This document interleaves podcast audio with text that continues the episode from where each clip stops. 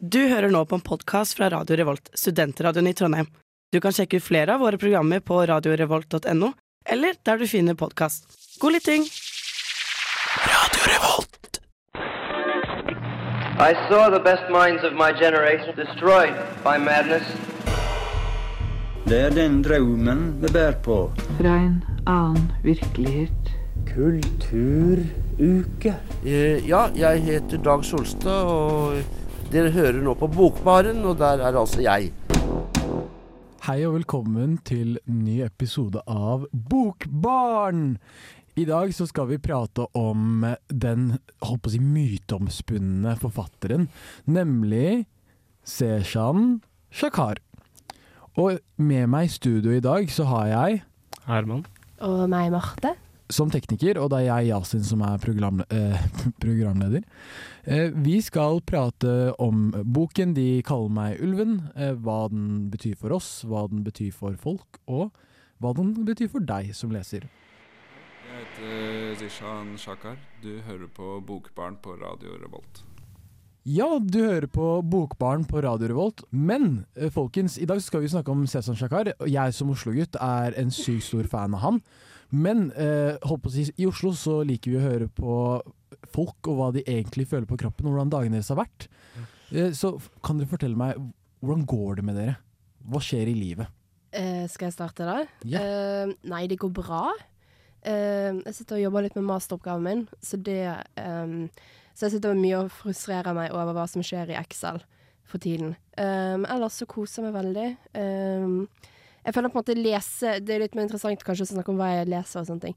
Så jeg føler mye har blitt satt litt på pause fordi at jeg har veldig mye med Og så kommer jeg gjennom eh, alt som skal være til programmet, eh, pluss eh, ting jeg må lese til studiet. Så jeg har på en måte Jeg har nå i det siste nødt til å tatt en sånn alvorsprat med meg selv. Hvor det sånn, nå kan ikke jeg kjøpe flere bøker, for nå har jeg så mange bøker på leselisten min at dette her går ikke. Og så har jeg så lyst til å lese dem, men så må jeg vente, for jeg har ikke tid. Ja, jeg kjenner på akkurat eh, det samme, egentlig. Altfor mye bøker. Det er skole. Ting skal balanseres. Jeg skal i praksis i morgen og begynne å Begynne å være ja.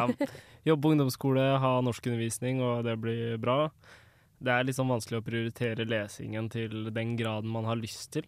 Men uh, det går fint. Jeg leser en komfortbok. Har blitt litt mye filosofiske bøker i det siste, så leser eh, Norwegian Wood av Oh. Murakami. En slager jeg ikke har lest siden videregående, så det er bra. Ja. Oi, imponerende. Eh, det går bra med meg òg. Eh, takk for spørsmålet.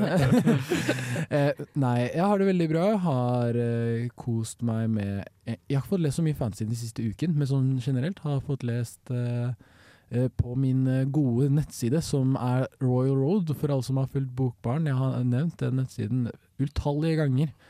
Eh, men eh, kanskje eh, å nevne, eh, nevneverdig har fått meg jobb, og det er gøy, men sånn i sum så har jeg mye mindre tid til lesing enn jeg skulle ønske. Mm. Men ja. Klassiker, egentlig. Aldri har tid til å lese nok. Uansett om det er på en måte skole eller for gøy. Det, Ja, det betyr vel i hvert fall at lesingen betyr noe for oss, og det tenker jeg er viktig å eh, understreke, at vi har en stor vilje til å lese. Og vi leser, men vi leser ikke alltid en bok om dagen, mm, som vi kanskje skulle ønske at vi kunne gjøre. godt sagt. enig. Det, skal, det burde være Bokbarn sitt motto. Du, Magnus, jeg fant en skikkelig kul ny bok, jeg. Hysj! Du kan ikke snakke ved biblioteket, men du kan høre på Bokbarn hvis du har headset. Ja, du kan også høre på Bokbarn hvis du ikke har headset, bare så det er sagt. Gjerne ta oss på fullt volum, i lesesalen, på bussen, hvor som helst. Men folkens, vi prater jo om Sesan Shakar. Eh, jeg håper jeg sa navnet riktig nå. Eh, men eh, han er jo også fra Oslo, som meg og Herman. Og Herman, er han fra Holmlia sånn der, eller er han fra Stovner? Eller hvem er den duden, liksom? Uh, Sershan Shakar er fra Stovner, så han er ikke fra Holmlia sånn som meg. Mhm. Men uh, på lik linje med meg så er han også fra en uh, drabantby som skrives mye om i uh, norsk eh, media, som ligger utenfor eh, Oslo sentrum. Han er eh, forfatter, eller har vært forfatter en stund. men debuterte faktisk eh, ganske sent i livet, i 2017. Kom 'Tante Ulrikkes vei', hans kanskje mest kjente bok. Og ja, han er født i 1982, så han er jo han er jo, han er jo, over, han er jo over 40 år. Så han debuterte ikke i særlig ung alder, da. Og etter at eh, Tante Ulrikkes vei eh, kom, så liksom har han tatt helt av, da. Men det som er litt gøy med han, er at han fortsatt har en eh, byråkratjobb, da. Så han jobber Han jobber på rådhuset. Oi. I, eh, ja, i eh, Ikke helt sikker om det var Han jobber med skolepolitikk da, i, eh, i Oslo, sånn, så det er veldig gøy. Han er utdanna stats, statsviter fra Universitetet i Oslo. Mm, Så- akkurat som meg. Ja, ja det er, men det er liksom det. Han, er liksom, han veksler med å være byråkrat og forfatter, da, og det er liksom gøy Mm. med han. da, At det er liksom en, en uh, switch mellom sånn uh, kultur og vanlig, vanlig jobb, da. Så han er liksom folkelig tilgjengelig forfatter, eh, er sånn jeg eh, ser på han. Og i bøkene sine så tar han jo liksom for seg tematikk fra liksom eh, det å være fra et innvandrerhjem i Norge, og hvordan det er i drabantbyer, og liksom den Ja, en del som ikke kanskje representerer så mye i norsk litteratur, som mange vil kalle innvandrerlitteratur, som er på en måte veldig mye omtalt nå i det siste, da, men den er ikke så representativ, da. Men vi får uh, flere og flere forfattere som skriver i den sjangeren, Mm. som jeg syns er litt rar, for det er jo bare norsk litteratur, men det er, skrives jo om uh, Ja. en viss tematikk, på en måte. Ja. Så nei. Men han er ikke den første, og forhåpentligvis ikke den siste. Men uh, ja, norsk, norsk-pakistansk forfatter som skriver bøker og er fra Oslo.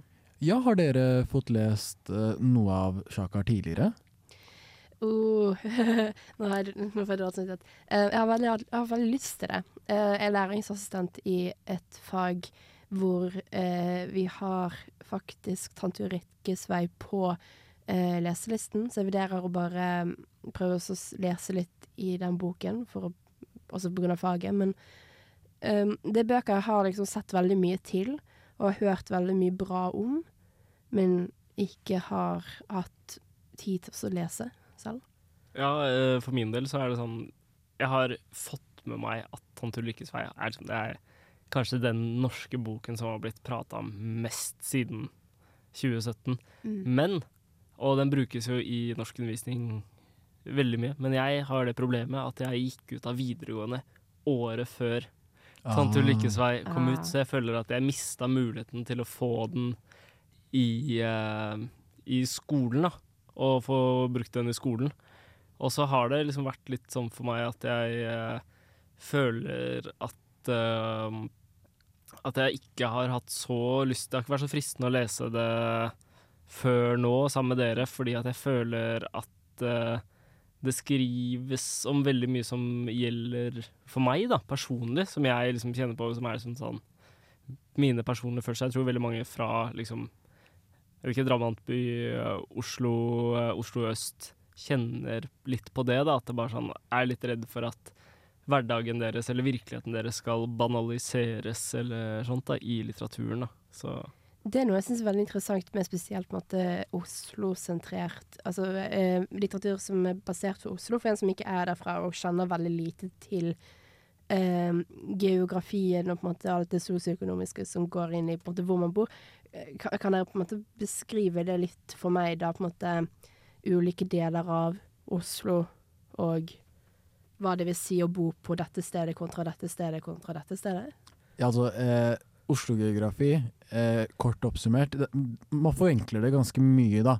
Man sier at det er et vestkant-østkant-skille. Ja. Eh, og det er jo rent økonomisk, på en måte, og det er reelt. Ja, det er har jo- jeg fått med meg. ja. Eh, men jeg tror også det skillet som eh, på en måte er mer aktualisert i Shaka sin bok, er jo skillet sånn rent demografisk. Mm. Eh, det, er, det er en korrelasjon med holdt på å si, har, du svakere, Er du svakere stilt økonomisk, så har du oftere innvandrerbakgrunn. Mm. Og det fører til at eh, å si, det bor flere med innvandrerbakgrunn på østkanten, da. Eh, mens på vestkanten så er det det motsatte, at det bor færre. Og det skillet har på en måte eh, det er et, det er, Oslo er ganske delt, på en måte. Jeg er jo født og oppvokst i Oslo. Eh, bodde der hele livet, før jeg flytta opp til Trondheim nå. Og eh, jeg føler meg mye mer komfortabel på østkanten enn vestkanten, f.eks. For eksempel, fordi det er der jeg er fra, liksom. Mm. Eh, mens jeg har, ikke, eh, jeg har like mye til felles med en person som er fra Ullern, eh, som en person som er fra Bergen. Det er på en måte like fjernt for meg, da, selv om jeg har vært der. Ja. Eh, og nå Oi. Eh, for å si det sånn, men kanskje du føler på noe annet, Herman? Nei, jeg kjenner egentlig litt på det, på det samme som deg. Jeg er jo fra Søndre Nordstrand, som på en måte ligger litt sånn Jeg vet ikke at det er en enklave som på en måte er litt atskilt fra resten av det man kanskje i samlebetegnelse kaller Oslo øst, da. Som mange ser på som Groruddalen eller eh, ja, gamle Oslo, typ Grønland, Tøyen, sånne, sånne steder, så ligger Søndre Nordsjøen bydel helt sør i, um, sør i Oslo, så det er liksom adskilt fra mye av det andre. Men jeg er helt enig i det Yasin sier med å på en måte ikke kjenne seg så igjen i Oslo, Oslo vest, da. Jeg har jo som personlig vært en del på Nordstrand. Jeg har gått på videregående skole på i eh, bydel, og moren og faren min bor ganske nærme, nærme Nordstrand. Så vært liksom mye der, men på det som er sånn klassisk Oslo vest, er det Yasin snakker om, sånn Ullern, Røa og sånn, der har jeg aldri vært, liksom. Jeg har liksom ikke jeg jeg har vært mer i Bergen enn jeg har vært på Røa, liksom. Jeg har vært i, vært i Holmenkollen og vært eh, liksom for å dra til Tryvann og kjøre slalåm, liksom. Men ja, det er et det er et sted jeg ikke har så mye forhold til. Da. Så det er absolutt Jeg tror veldig mange kjenner på en sånn splittelse da, Mm. med østkant og vestkant i Oslo. For det er noe som jeg syns er veldig fascinerende. eh, For, altså sånn fenomen i Oslo. Du kan nærmest altså Selvfølgelig, det var det du sa, at det er en forenklet eh, beskrivelse av det, men du kan dra en li linjal tvers gjennom Oslo, og så kan du liksom si at her her har du på en måte alle mulighetene på en måte Dette er på en måte høy økonomisk, sosioøkonomisk liksom, område også her. Altså, vi har det jo selvfølgelig i Bergen òg, men det er mer på en måte flekker. Jeg tror det er på en måte mer sånn i denne lille delen her, så er det eksempel veldig mange av disse typer menneskene, mens her, rett ved siden av, så er det liksom Du har ikke det klare skillet, da. Mhm. Ja. Jeg føler litt sånn, eh, for min del i alle fall, når jeg sier forenklet virkelighet, og Oslo-geografi er Det burde være et emne på universitetet, liksom. Oslos demografiske utfordringer eller noe. Ja. Men uh, jeg tror uh, Eller i en Oslo-kontekst i alle fall, uh, og grunnen til at kanskje vi valgte å ha uh, De kaller meg Ulven som Mm. bok, og uh, Shakar som forfatter på denne sendingen, da. Eller valgte han som forfatter, valgte å se på eh, boken hans, eh, er jo fordi han setter ord på noe veldig mange føler på. Det er veldig mange eh, erfaringer eh, og perspektiver eh, og språk og Mm. identitet som ikke kommer til uttrykk i majoritetslitteraturen, da, hvis man kan kalle det det. Og Shakar på en måte fanger noe av det hverdagslige. Og det er derfor han på en måte i en Oslo-kontekst er, er såpass aktuell, da. Absolutt. Og jeg tror akkurat det du sier med at han virker litt som en måte en veldig god representant for Oslo. Um, for en som ikke kommer derfra, det å dra til Oslo er på en måte noe helt annerledes enn å være i Bergen eller være i Trondheim. fordi at eh, og det, og det er jo ikke det at jeg sier ikke at en måte, Bergen ikke er mangfoldig, eller Trondheim ikke er mangfoldig, men du har et helt annet bredde av hva man kan møte i løpet av ti minutter hvis du bare går gjennom Oslo. Um, som er veldig, veldig fascinerende, da. Um, å, å lese om, men å oppleve. Ja, det, det, kan jeg absolutt eh, tro på. Så tror jeg det er liksom veldig sånn for Oslo, for veldig mange uh, som ikke er derfra. Jeg skal ikke si noe som er stigmatiserende mot uh, folk som ikke er fra Oslo, men uh, det kan jo føles kanskje ganske stort på en måte, og så er det veldig sånn Ja, veldig, veldig sånn splitta, og det er veldig mange Veldig mange forskjellige steder som man som på en måte ikke får med seg, da. Man bare leser i nyhetssaker ah, 'her er det skyting', eller ah, 'her er liksom, uh, Norges dyreste hus', og så er det liksom bare sånn derre Jeg vet ikke. Det er så mange sånne enklaver i Oslo, da. Og det er er på en måte en sånn realitet som jeg tror det er vanskelig å finne andre steder i Norge, da, som, Mm. Man kan, som gjøres tilgjengelig gjennom litteraturen. Og det er derfor bøkene til Sjakar på en måte har vært så viktig for mange, tror jeg. Det er veldig opplysende litteratur, spesielt Mm. den Tante Ulrikkes vei har vært det sikkert for veldig mange. Ja, iallfall for meg, og jeg følte på veldig mye av det samme. Jeg er så, jeg er 100% enig med deg, Herman. Eh, Når jeg tenker i en Oslo-kontekst, iallfall, så er det jo alltid sånn Man har så store kontraster. Eh, jeg har flytta ut til Trondheim nå. Trondheim som by jeg kjenner ikke den helt uh, til punkt og prikke, men jeg føler det er, det er mye mer sånn eh, eh, holdt på å si, samlet enn Oslo. Ja. Eh, Mens i Oslo så har du de store kontrastene som varierer.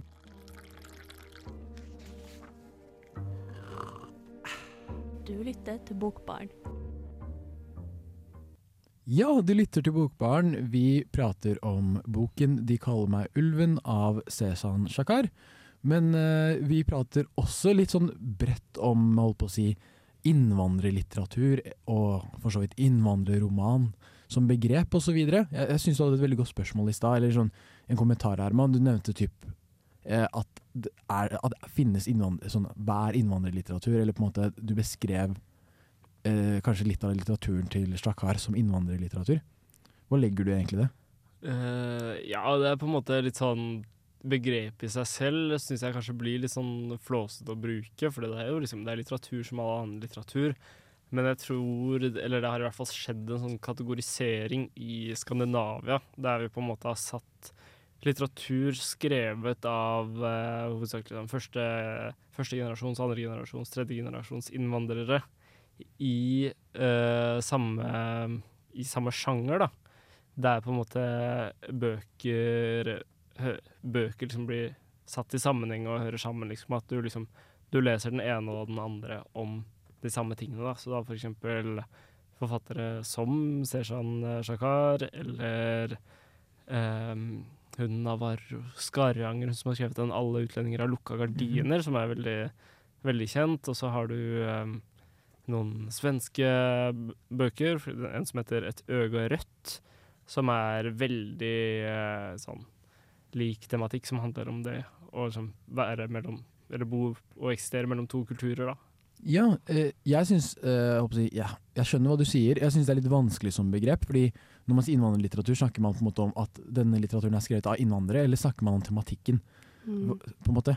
Jeg tror at uh, det brukes på en måte litt sånn om hverandre. At det, det er liksom Når man snakker om innvandrerlitteratur, så snakker du jo utelukkende av Utelukkende om forfattere som er av Ja, har en uh, Har aner fra andre land. Ja, fra andre land som er, som, som er, uh, som er minoritetsspråklige, da.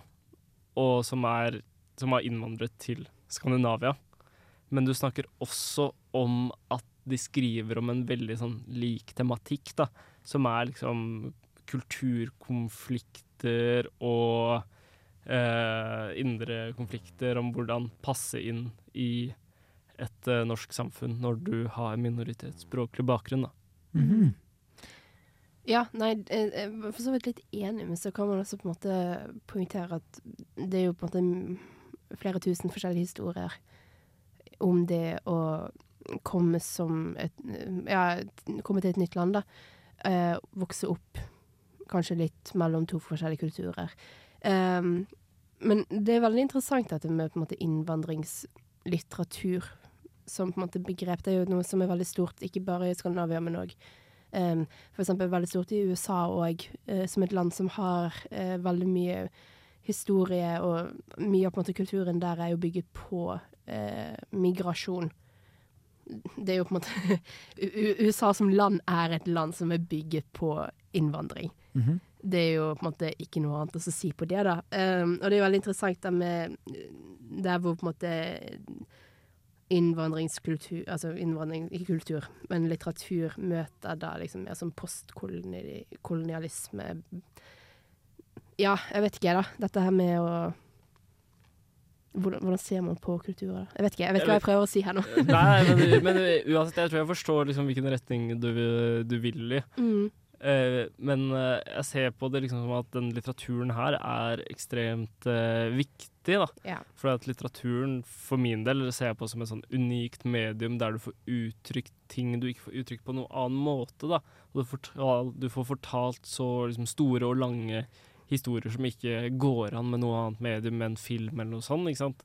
I en filmatisert uh, produksjon, og gjennom denne i hermetegn innvandrerlitteraturen, så kan vi på en måte gi Eller så kan man gi folk som på en måte ikke har innsikt, forståelse for hvordan realiteten til disse menneskene er, da.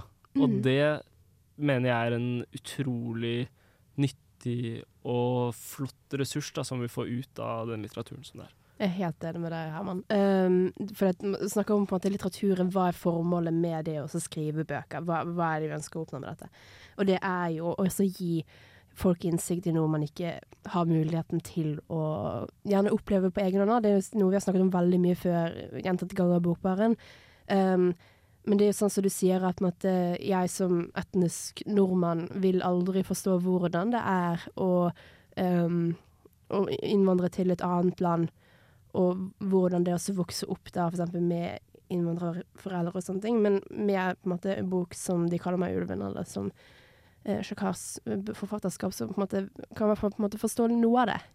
Eller i hvert fall på en måte ikke nødvendigvis forstå, for jeg tror man aldri kan forstå, og jeg tror ikke det er poenget, men ha eh, sympati, utvikle mer empati og på en måte finne ut av ok, hva, kan, hva kan man gjøre for å gjøre det lettere, da, å Mhm. komme hit. Jeg er enig i det. Jeg tror øh, Grunnen til at jeg tok opp det spørsmålet òg, om innvandrerlitteratur som begrep eller som kategori, er fordi jeg stiller meg litt skeptisk til begrepet, eller bruken i alle fall. Ja. Fordi sånn, øh, I forhold til det med identitet Fordi med en gang man definerer La oss si nå øh, Man har jo skeiv litteratur, men det, det definerer man jo sånn Ok, alt som handler om eh, skeiv tematikk, f.eks. Innvandrerlitteratur blir veldig sånn Alt som har med innvandrere å gjøre. Det blir et veldig sånn vidt begrep, Ja. først og fremst.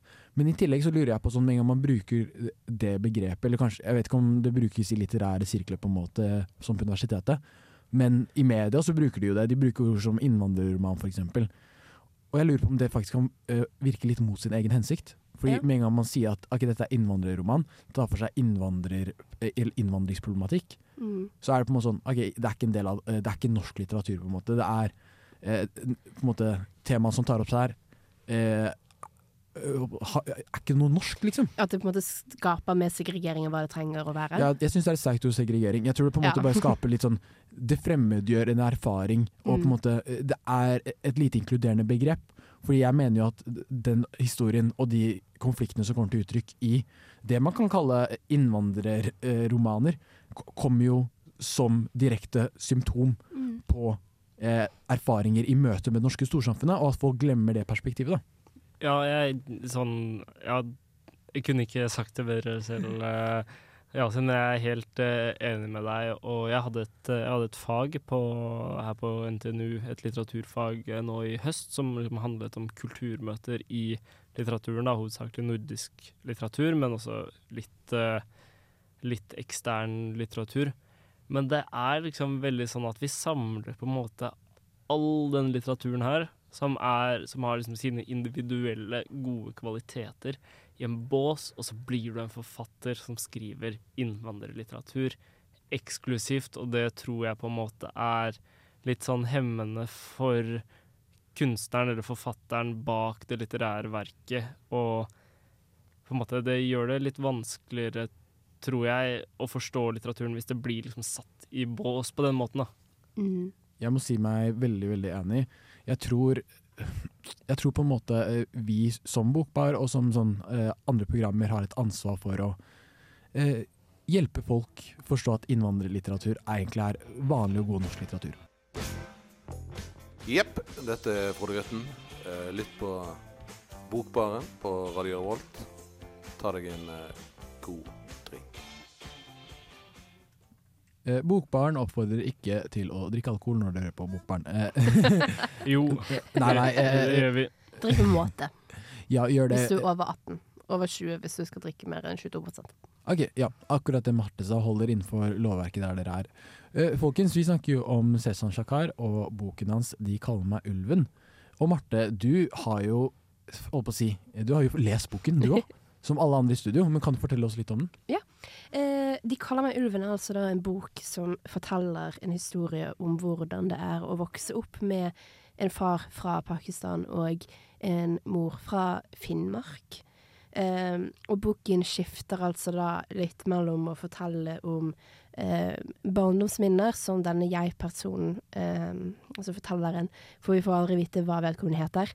Eh, vi, så det skifter mellom å eh, fortelle om barndommen eh, til denne jeg-personen, og på en måte minner han har eh, fra familien sin, til eh, dags dato, hvor det går, sentrerer veldig mye rundt faren som har på sine eldre dager bestemt seg for at han ønsker å flytte tilbake til Pakistan for å bli gammel der, og heller komme tilbake igjen til Norge noen måneder om gangen for å møte eh, familien som han har da i Norge, altså jeg, eh, personen.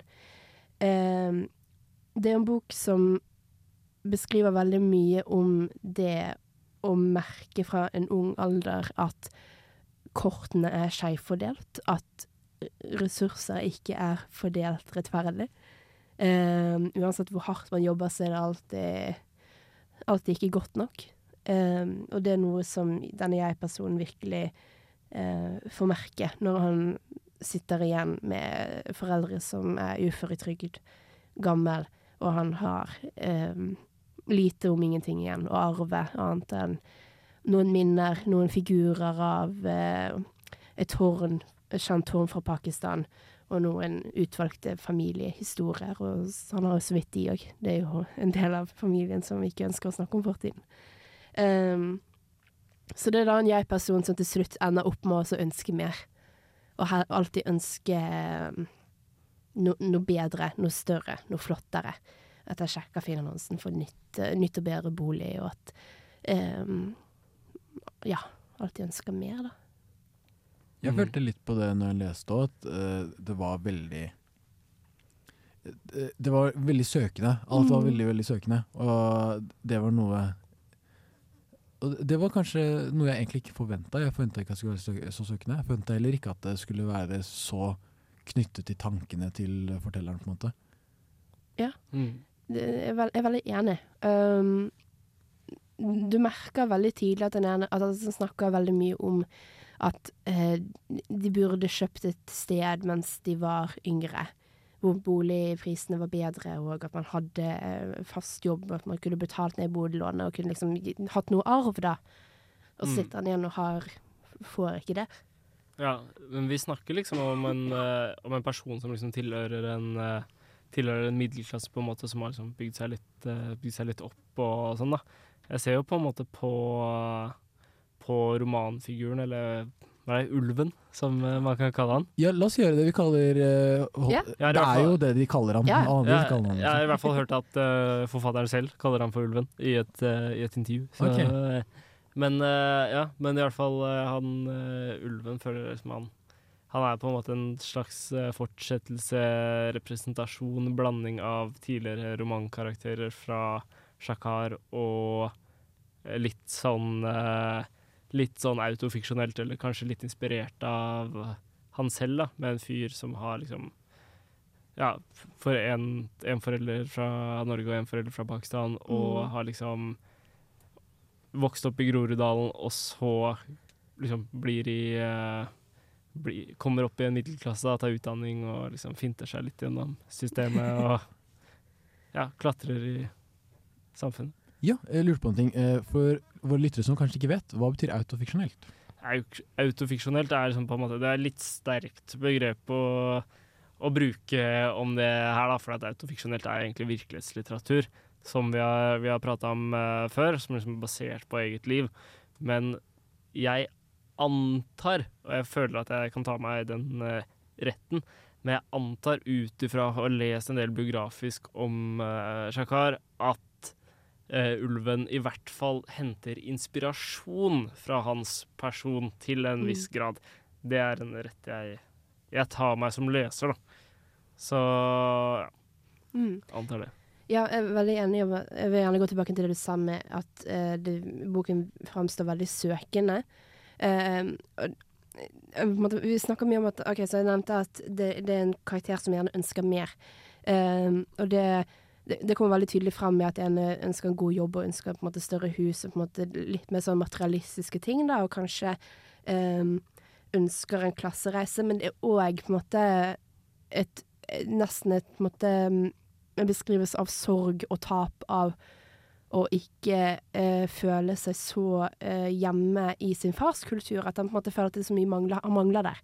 Han driver også og snakker om at eh, eh, tanten ble veldig sint på faren fordi eh, han ikke hadde lært seg Koranen, at han kunne liksom ikke snakke eh, Urdu. urdu skikkelig, og liksom alle de tingene der. Så han hadde liksom han lært trosbekjennelse, han lærte lært den første eh, å nei, nå er dette veldig flaut jeg har glemt hva det heter. Men den første delen av Koranen Han har lært seg liksom stykkebrygg. Ja, Sora. Ja. Tusen takk. Eh, han lærer seg stykker av på en måte, det som gjerne forventet av han, eh, og alt annet mangler. Og det var sånn hjerteknusende del når du på en måte ikke passer inn i noen camper, da. Ja, og jeg føler at det liksom dobbelt understrekes eh, av at eh, av at eh, faren reiser da, tilbake til Pakistan. Mm. Jeg føler at Det var det som traff meg mest da jeg leser boken. At liksom den, det at på en måte det at faren reiser tilbake, gjør, han, gjør at han på en måte mister all koblingen til liksom den pakistanske identiteten han sitter inne med. da. Det liksom er sånn derre Å, jeg har ikke lært det fullbyrdet, men nå forsvinner på en måte det restene av det jeg har eierskap til. Ja, og du, eh, akkurat det tror jeg er noe eh, håper Du traff eh, håper Du traff nålen. Eh, Spikeren på hodet. Spikeren på hodet, det er det som er ordtaket.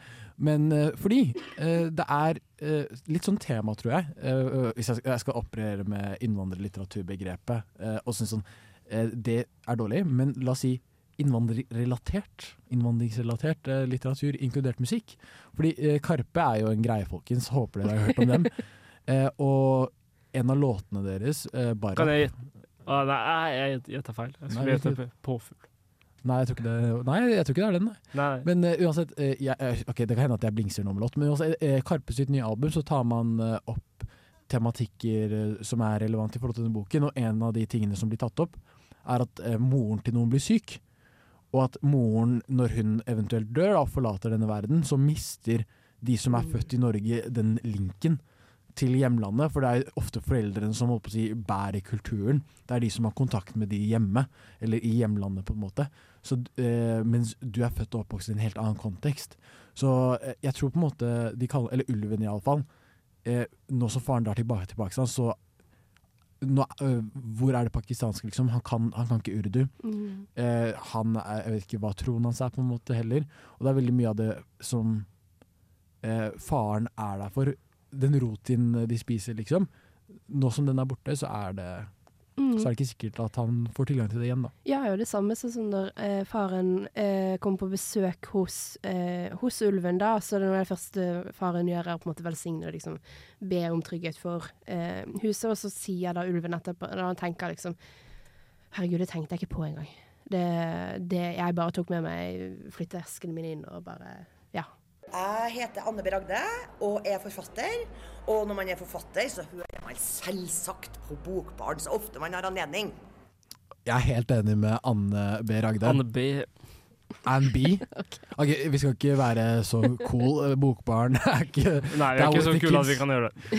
eh, nei, men vi prater jo om de 'Kaller meg ulven' av Shakar. Eh, nå skal jeg kalle ham Shakar fordi det er kult. Eh, Ulven, ulven Vi er der. Vi er på Vi er der, vi- etternavnsbasis. We're so cool. Men eh, vi har jo snakket litt om sånn, hva førsteinntrykket vårt av boken var. Men hva er det dere egentlig synes om boken? Sånn eh, if you go to into the nitty gritty details, liksom. Ja, eh, jeg eh, likte den veldig godt. Uh, det er en veldig enkel bok å lese, uh, så det, går, det, det tar veldig kort tid hvis du har lyst til å lese en god bok, så ikke tar for deg tid. Så dette er veldig greit. Um, veldig interessant tematikk. Um, jeg vet ikke om jeg- bare ikke leste på en måte grundig nok, men det var noen ganger jeg syntes det var litt vanskelig å henge med på eh, hvem de ulike karakterene var og bakgrunnen deres. Eh, for eksempel, det tok litt tid før jeg innså at moren var norsk. Eh, og skille mellom hvem Ada var, hvem Mariam er. Um, jeg var sånn En av de søs... eh, Hadde han en søster? Han hadde en søster, ja. Fikk vi vite hva hun het? Tror ikke det, gjorde vi? Hun het bare søsteren. Ok, Ja, Mm. fordi at jeg trodde det var Mariam en stund, og så innså jeg at nei, det var jo datteren. Uh, my bad. Um, ellers så utrolig uh, vakker historie. Det var mange ganger liksom, på, på slutten av kapittelet hvor jeg bare tenkte sånn wow. Det var pent skrevet. Det var liksom Shit, det var fint. Mm. Ja. Ja, jeg, jeg, er liksom, jeg har litt sånn samme følelse som eh, deg, tror jeg. Jeg syns det var Det er godt håndverk, og så syns jeg at uh, Sershan Shakar er flink til å eksperimentere. Den er liksom veldig sånn eksperimentell med måten han hopper fram og tilbake, frem og tilbake litt sånn sømløst, på en måte. Mm. Og jeg merker at det er deler av, eh, deler av boken jeg syns er mye mer interessant enn de andre. Jeg tror det er der det ligger mest for meg. At jeg syns at delene med han og faren er det absolutt sterkeste i, eh, i romanen. som- Sånn best skrevet og på en måte den beste den, Det som er best lesing, da, for Ja. min del, syns jeg, da. Personlig. Jeg er veldig enig, for jeg føler måte det er i møte med faren hvor den lengselen virkelig blomstrer. Lengselen etter på en måte noe større, noe bedre, noe um, Men òg da etter på en måte kulturen. Mm. Det, det er så vakkert, på en måte. Ja, ja, absolutt. Og det er sånn derre Men øh, sånn Jeg vet ikke. Jeg har jo jeg har vært litt skeptisk til forfatteren eh, før, eller i hvert fall til romanen eh, hans, for jeg syns at det kan være litt sånn skummelt med at det blir litt sånn eksotifisering, og i hvert fall det at han skriver på et sånn der veldig muntlig østkantspråk, da. Det er også en sånn ting jeg på en måte sånn, det, er et, det er et kult grep, på en måte, men det må gjøres riktig for at det skal føles genuint. Og jeg føler at noen ganger i hans tilfelle så kan det være litt sånn uh, Tvunget. Tvunget forsa, liksom. Mhm. Og det er bare sånn en liten sånn for meg, Det er sånn en sånn liten ting som jeg syns kan være litt sånn Som jeg henger meg litt opp i, da. At det er sånn OK, greit, det var litt tilgjort, ah, her var det litt flåste, men Mm. allikevel, altså Veldig mange gode deler av eh, romanen, helt klart. Og så tror jeg at den tjenes veldig av at språket er lett, og at den ikke er spesielt lang. Så det er, liksom, det er et prosjekt du liksom kan Du kan sette av en eller to dager, og så blir du ferdig. Og så er det en bra opplevelse og sånn. Ja, for det, det jeg lurer Jeg har jo ikke hatt uh, vært på tid til å lese 'Tante Ulrikkes vei' ennå, men jeg har hørt at um, den kan være Altså, den, den er lettlest, men den kan være litt vanskelig, for det er som på en måte um, Språket er så preget av at det er en fra en innvandringsbakgrunn, og at det kan være litt vanskelig å følge med på. Em, hvordan, hvordan sammenligner dere språket i forhold til 'Tante Ulrikkes vei' og så boken som er her? Eh, Altså, de kaller meg vel. Ja, jeg har jo lest Tante Ulrikkes vei eh, også, eh, tidligere. Og jeg tror det for, Her er det mye mindre av det. Ja. Her er det mer eh, Jeg føler denne boken er mer autentisk i måten Så jeg, jeg er enig med poengene til Herman. Eh, det kan føles litt tvunget, men jeg tror også det har å gjøre noe med meg sånn eh, Særlig i Tante Ulrikkes vei. Han var jo i begynnelsen av sin forfatterkarriere, antar jeg da. Og i tillegg så er det sånn eh, Noen ganger så skjønner ikke folk hvis du gir dem en teskje. De må liksom bli slått i ansiktet, hvis det gir mening. Og sånn, særlig det med sånn eh, kebabnorsk, for eksempel, sånn konsept, er jo nettopp at hvis du ikke er fra Oslo, hvis du ikke er fra en storby, så skjønner du deg ikke på det.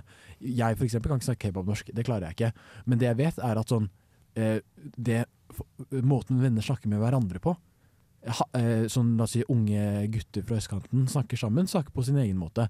Når de er i møte med det offentlige, når de er på butikken, eller når de liksom er på skolen, så snakker de ikke på den måten. Og Det er kanskje eh, det elementet og de nyansene i språkbruken som er fraværende i Tante Ulrikkes vei, men som er til stede i De kalde med ulven. Ja, også det er sånn Også, også for min del, da. Så er det jo sånn Sershan uh, Shakar var nesten 40, er 39 da Tante Ulrikkes vei eh, kom ut. Og det er jo liksom sånn vet ikke, Hvis man på en måte har lyttet litt til kebabnorsk, eller er fra et sted der det snakkes mye kebabnorsk, så er det et språk eller veldig sånn muntlig ting som skiftes ut, ord skiftes ut veldig fort og sånn, da. Så det kan liksom være litt sånn tilgjort. Jeg husker jeg leste eh, 'Morgenstjernen' av Knausgård, Mm. som er en ganske sterk, eh, sterk roman. Eller veldig, en god roman, da. Men den har én sånn scene som er som veldig sånn Da Knausgård skal Eller når Knausgård skal skrive en sånn ungdomsscene som av en sånn moderne, moderne ungdomsjente. Mm. Og det er sånn Det er så åpenbart veldig tilgjort, på en måte. Så det er sånn Det er, sånn, det er så veldig sånn Må tre varsomt, og jeg i hvert fall. Eh, jeg vet ikke, jeg kommer jo fra Eller jeg snakker jo fortsatt kebabnorsk med mine venner hjemmefra, og jeg er liksom oppvokst med å prate kebabnorsk på ungdomsskolen og, og sånn. Jeg snakker jo ikke helt sånn her når jeg er med vennene mine hjemmefra. Wow, det kan jeg faktisk ikke se på Det er, det er veldig imponerende å høre at du fortsatt evner å prate kebabnorsk, Herman. Bla om til neste side når du hører denne lyden. Eller skru på radioen din og sett på Bokbarn, da. God lytt. Ja, god lytt. Hør på Bokbaren, fordi det er der det gode skjer. Vi snakker jo om De kaller meg ulven av uh, Shakar. Ikke sånn shakar. Nei, vi bare sier Shakar fordi det er gøyere. Men uh, Seshan Shakar, eh, beklager om du hører på dette, men uh, Eh. i studio så refererer vi til deg som Seshan Shakar. Ok, men jeg kaller deg Shakar. Uh, men folkens, uh, vi har jo snakket litt om sånn, hva vi syns om boken. Jeg har jo ikke eh, fått sagt eh, hva jeg syns ennå. Men eh, jeg tror Jeg syns det er veldig vanskelig, først og fremst, fordi eh, jeg tenker litt på det du sa i stad, Herman. Liker jeg boken fordi jeg liker tematikken, eller liker jeg boken fordi eh, jeg på en måte er sånn Å, eh, den er godt skrevet, eh, liksom, og ja, Det er litt vanskelig å sette ord på det. Mm. Jeg tror eh, jeg, jeg liker temaene. Det skal jeg 100% Jeg elsker å bli utfordret. Det er noe litt nostalgisk ved det hele. Jeg kjenner meg jo ikke igjen i majoriteten av eh, de referansene, fordi jeg har jo ikke bakgrunn fra Pakistan. Med sånn generell innvandrerbakgrunn fra Oslo øst, så er det ganske mye sånn Særlig de litt sånn bredere, litt sånn overordnede tingene han tar opp med kultur og identitet, føler jeg eh, jeg viber iallfall delvis med. Eh, men i forhold til eh, Jeg liker i forhold til språket og måten boken er eh, konstruert, så tror jeg ikke jeg er veldig fan av eh, Jeg har funnet ut en ting. Jeg liker at handlinger sier mer enn at man alltid er i hodet på karakterene. Mm. Fordi det er, det er på en måte bare en preferanse jeg har utviklet egentlig det siste halvåret gjennom Bokbaren. Eh, så det er kanskje litt eh, noe som frustrerer meg litt. Men til gjengjeld så elsker jeg flashbackene. Jeg elsker virkelig dialogen mellom faren og han. Og samtidig, kanskje litt controversial opinion, jeg syns moren sitt perspektiv på ting er, det er det som er mest eh, fra Det er det jeg har min kjennskap til.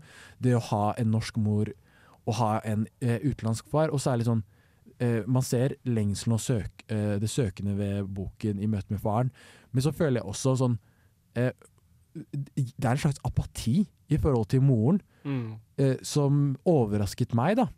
Eh, noe veldig. Og, og, fordi det virket veldig som moren var eh, omsorgspersonen, men hun var jo også abusive.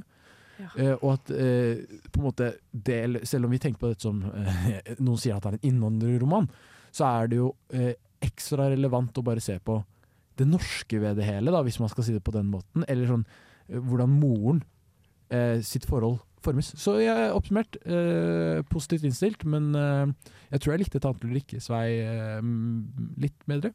Ja. Ja, det er jo Det er fair, men det er Ja, det er, ja, det er jo det er sant. Men eh, Men eh, ja, jeg føler at vi skal liksom ikke På en måte, jeg vet ikke Sammenligne.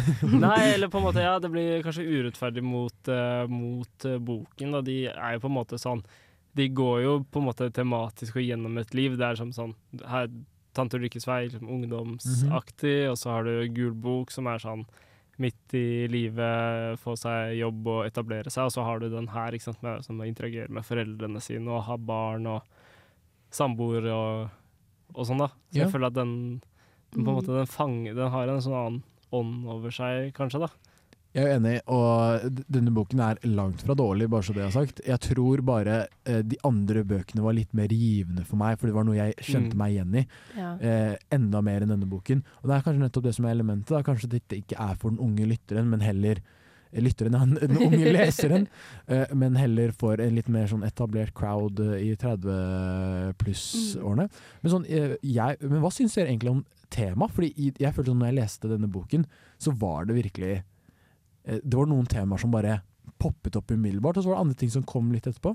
Ja, øh, jeg føler at det her, er, eller det vi får innsikt i i denne romanen her, er temaer som på en måte ikke er spesielt utforsket. på en måte. Du har jo veldig mange romaner som er, i hvert fall fra Skandinavia, som handler om det å liksom, ha innvandrerforeldre og vokse opp og gå på skole og liksom bare sånn eh, Ja, jeg må Jeg skjuler liksom det jeg har med i bagasjen min hjemmefra på skolen, og det jeg får liksom fra kulturen på skolen hjemme, mm. på en måte. Og det er liksom sånn Det er på en måte en typisk tematikk som er utrolig viktig og god og spennende, men jeg føler at det på en måte uh, Den tematikken med å ha blitt voksen med førstegenerasjons innvandrerforeldre, på en måte, da, og liksom ha levd gjennom den barndommen, og liksom hvordan det er når man på en måte har levd et liv her, etter at man på en måte har kommet hit og liksom selv er voksen i det, da.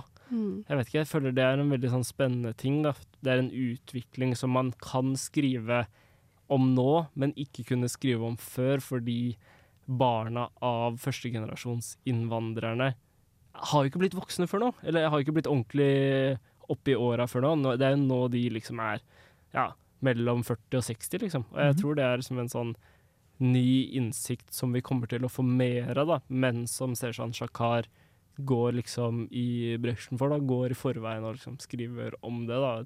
Det syns jeg er sykt fett, egentlig. Jeg, jeg vil gjerne bygge på en ting i forhold til det. Fordi eh, jeg følte veldig på eh, sånn Er det nybrottsarbeid som er Er det et ord? Som er sånn man starter eh, på en måte en ny vei? Høres i hvert fall ut okay, som et ord. eh, i- altså, nå har Bokbarn funnet opp et nytt ord, eller Jasen har gjort det. Nybrottsarbeid kan vi kalle det. Men uh, med det så tenker jeg sånn at man, har skap, at man skaper nye veier. da. Og når særlig, et, uh, særlig en scene som stikker veldig ut for meg i forhold til det du sa, Herman, var uh, når han, eh, ulven tok med eh, datteren. Eller når de beskrev sånn interaksjon mellom datteren og faren, og, og faren Mm. var overrasket, tror jeg, over at uh, han hadde lært henne litt uh, urdu og litt sånn uh, 'tusen takk'. Eller jeg vet ikke om det var arabisk eller urdu, jeg husker ikke helt. Men den scenen Nei, de, de prater, prater urdu. ja, det var urdu, ja. Eh, når han skulle gi henne twist, liksom. Mm. Og da var det veldig sånn Oi, shit. Eh, det elementet, eller sånn den historien med å ja, inn, For hver generasjon som går, Ja. så mister man den tilhørigheten i større og større grad. Og, det er nettopp, og jeg lurer på om det kanskje er et virkemiddel fra forfatterens side. Vi er ikke kjent med Mariam. Mariam tar ikke del i historien noe særlig, fordi vi, eh, fordi kanskje hun ikke tar en Kanskje hun bare ikke er der. er den beste studentradioen i Trondheim. Jeg hører på det hver dag. Skikkelig bra. Ja, og dere hører på Bokbaren. Eh, Marte, jeg lurte på om du hadde eh, en god tanke som, ikke, som du kanskje ikke fikk sagt i stad? Ja, fordi at eh, før låt her så snakket vi jo litt om eh, det at eh, eh, Mariam møter faren til ulven, og faren er veldig overrasket over at eh, ulven har liksom lært deler av farens kultur videre. Og at man mister eh, mange av kanskje disse her erfaringene eh, med hvert ledd som går. Um, og jeg syns det er veldig interessant opp mot eh, moren til ulven. Uh, fordi at vi, vi, vi lærer ikke så veldig mye om henne og hennes bakgrunn. Det blir nevnt veldig kort at uh, hun er fra Finnmark, og det er noe kvenebakgrunn. men ingen i familien vil prate om det. Og, og, og da er det på en måte Og det er jo kanskje den norske måte, varianten av en, en utsatt Det er forferdelig å si, men en, en, en utsatt eh, minoritetsgruppe som har blitt veldig aggressivt eh, etterfulgt og på en måte og, og tvunget til å bli altså assimilert inn i eh, det norske samfunnet, da. Til et punkt hvor man nesten ikke har noen igjen til å ville fortelle om kulturen. At man har blitt så skambelagt det å være kven, eller det å være samisk. Mm. At det å prate om det er så traumatisk at man, man orker ikke det. Nei. Um, Og jeg tror på en måte kanskje det er derfor jeg syns boken er veldig interessant. For du, på en måte, kanskje, du likte tematikken, men kanskje ikke på en måte boken i seg selv.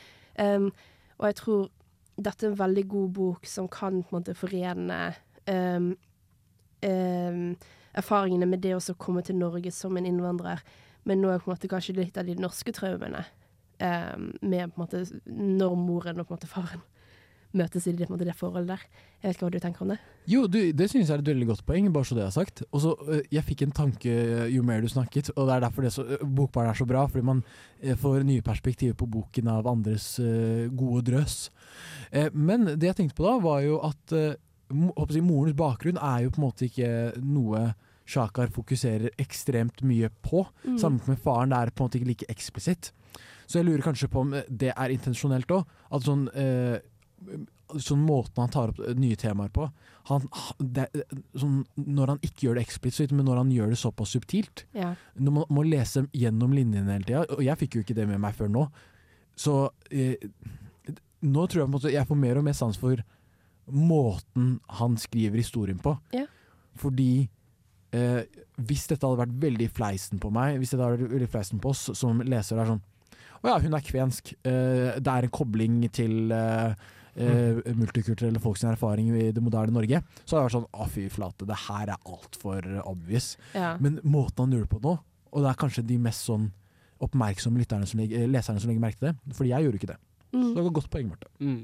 Jeg tror at uh, ja, eller sånne type ting som dere nevner her, er liksom noe av det som bidrar til å gjøre boken til jeg vet ikke, et veldig sånn menneskelig produkt. da. At det er liksom på en måte mer enn det liksom man kaller innvandrerlitteratur, men at det er på en måte bare sånn Det fanger liksom sånn vi mennesker har det, da.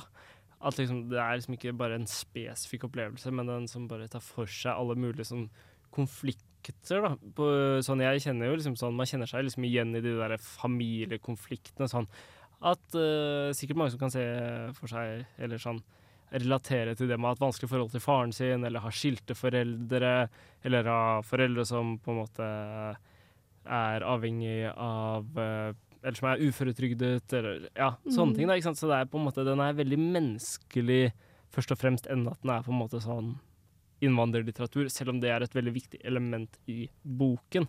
Ja. Så er det liksom sånn, ja. Godt sagt. Jeg er veldig enig, og jeg syns det var utrolig godt sagt. Vi er alltid enige, det er veldig gøy. Kanskje litt problematisk for tider.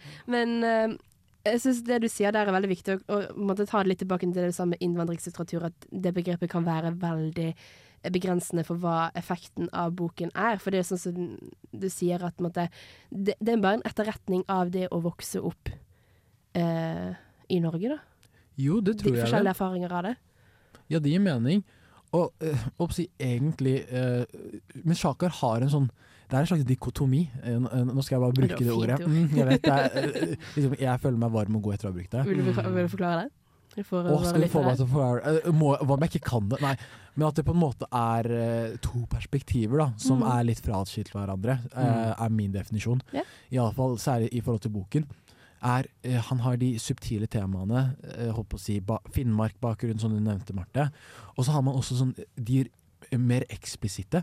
Sånn, eh, det med klassereise, det er jo kanskje det mest eh, jeg håper å si, Det som kjennetegner Åh, Jeg hater å bruke ordet innvandrermann, men sånn eh, tematikker som handler om innvandring i møte med eh, Hva heter emnet igjen? Det jeg hadde nå Ja. i høst, det het ah, hva er det, kulturmøter i eh, okay. nordisk litteratur. La oss kalle det kulturmøtelitteratur. Ja. eh, eh, det som på en måte er kjennetegnet, kanskje, er jo nettopp den driven man har for å eh, få eh, si, mer penger, mer suksess. Fordi eh, når du liksom kommer, eller hvis du har bakgrunn fra et annet land, og er født og oppvokst i Norge, eller kommer til Norge som ung, så preges du jo kanskje av at å ja, foreldrene dine kommer fra et sted der de mulighetene ikke er til stede, og så kommer man til Norge som i så fall blir mulighetenes land. Og at eh, særlig for denne duden som har eh, Særlig for ulven, da, som har eh, tilsynelatende kommet fra en familie med eh, li- litt sånn eh, svak sosioøkonomisk bakgrunn, er det han har. Mm. Eh, nettopp, det, nettopp det perspektivet syns jeg Shakar illustrerte innmari godt. Det var eh, sånn Når man snakker om eh, kulturmøtelitteratur, Ja. eh, så eh, så er det ofte sånn Å ja, eh, innvandrer eh, Hold si ære, skam, eh, alkohol, kvinner osv. Men klasseperspektivet eh, synes jeg han eh, har vært fraværende for mange, og jeg følte det traff meg veldig i denne boken. da. Ja, at, liksom, at det er sånn på en måte viktigheten av klasse, klasse, klassereisen. Er det ikke, sånn, er det ikke en sted, et sted i boken der det er sånn faren han er på sånn WhatsApp-samtale med vennene sine i, i Pakistan eller noe sånt. Jo, og så skal han ulven dra, og så sånn idet han drar, så hører han sånn derre Ja, han skal i viktig Veldig viktig møte, liksom. Og det er sånn det treffer så, så sykt, da. Bare sånn derre Ja, jeg er sånn stolt av Stolt av han har liksom made it, på en måte. Mm. Og det er liksom sånn derre Viktigheten av klassereisen, da.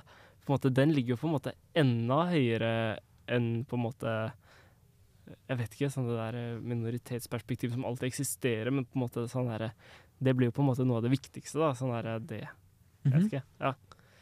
Jeg vet ikke, jeg syns det var sånn et veldig gripende, Mm. gripende øyeblikk i romanen. Og det som er interessant med på en måte klassebegrepet, um, er jo at det er mange sosiologer og politikere som gjerne ønsker oss å si at eh, klassesamfunnet i Norge eksisterer ikke lenger. Mm. Uh, at vi har um, blitt såpass på en måte Vi har tatt en felles klassereise da, som gjør at måte, det ikke er relevant å snakke om klasse.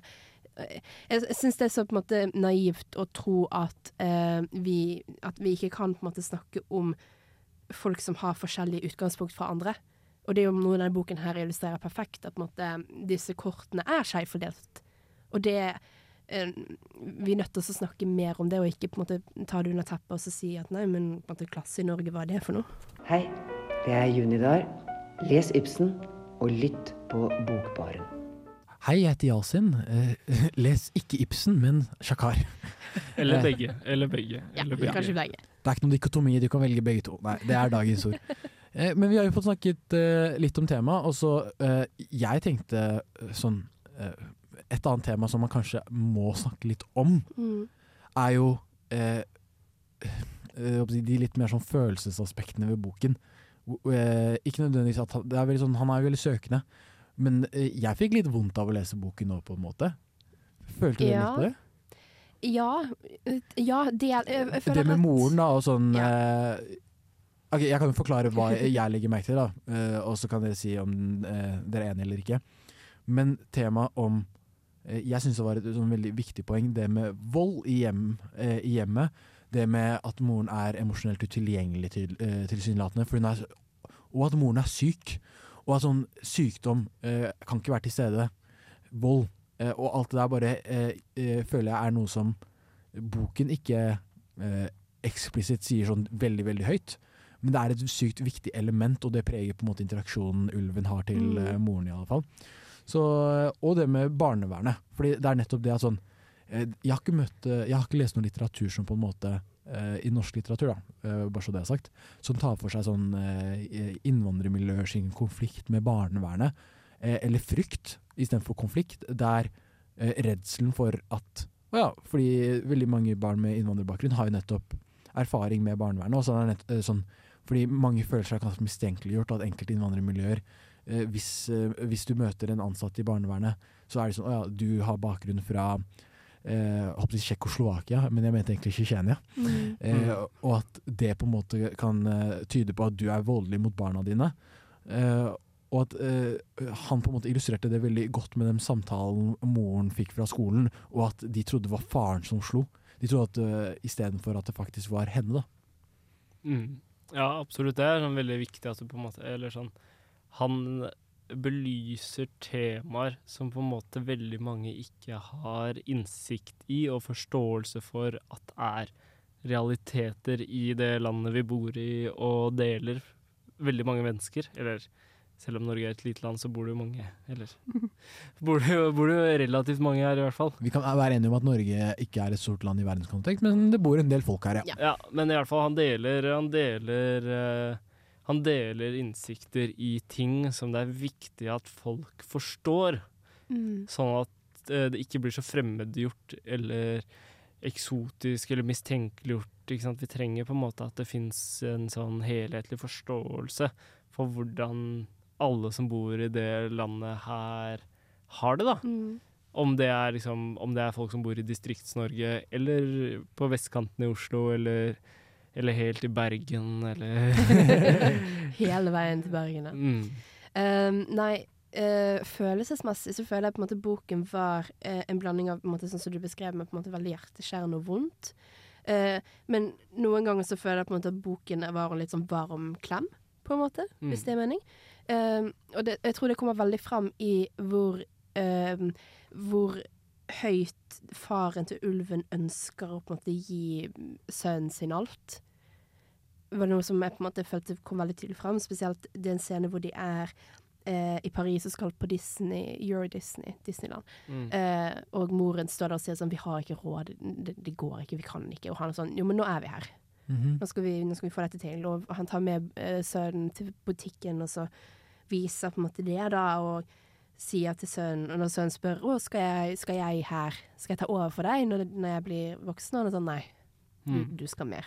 Du skal få mer enn dette her'. Ja. Og det, jeg, jeg syns det er veldig interessant, sånn som du snakker med på en måte moren som, som har veldig mye mm, tungt med seg, da, med på en måte sine egne traumer.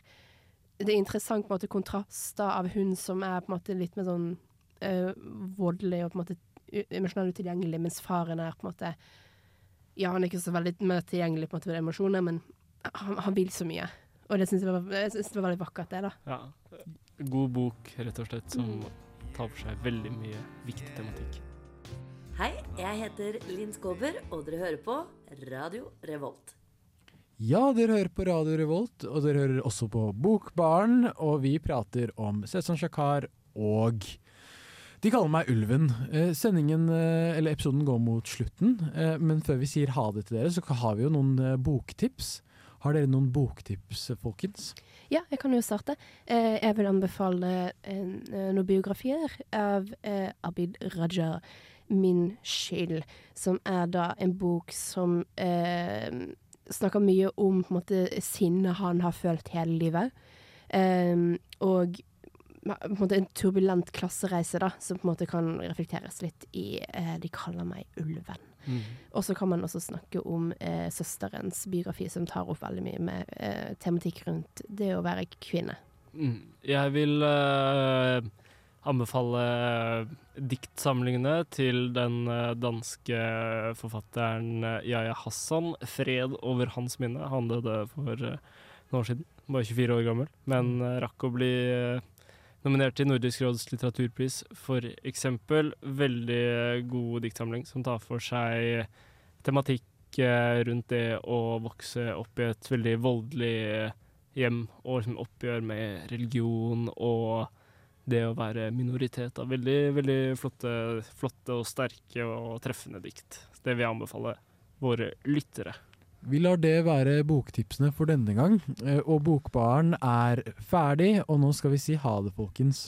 Ha det bra. Ha det bra, folkens. Ha det. Du har lyttet til en podkast fra Radio Revolt, studentradioen i Trondheim. Likte du dette, kan vi også anbefale. Nerdeprat er programmet for deg som liker å høre prat om videospill og nerdeting med akademisk og humoristisk tilnærming. Dere vet hvordan når, folk- når folk sier at Mufasa fra Løvenes konge er kjekk? NT har litt samme vibbe, føler Du sier det selv. Du var favorite to win, Nei. så da måtte jeg liksom gå for deg. Han sa aldri det du sa. Ja, han var det. du har sagt det. Jeg har bare sagt at jeg var best. Mm. Så jeg tenker sånn Jeg hadde gift meg med Frostbite Spider, tror jeg. Ja, men helt ærlig. Ja, men, se, se her, her er tankegangen. setningen. Hør på Nerdeprat hver torsdag klokka fem til sju på Radio Revolt.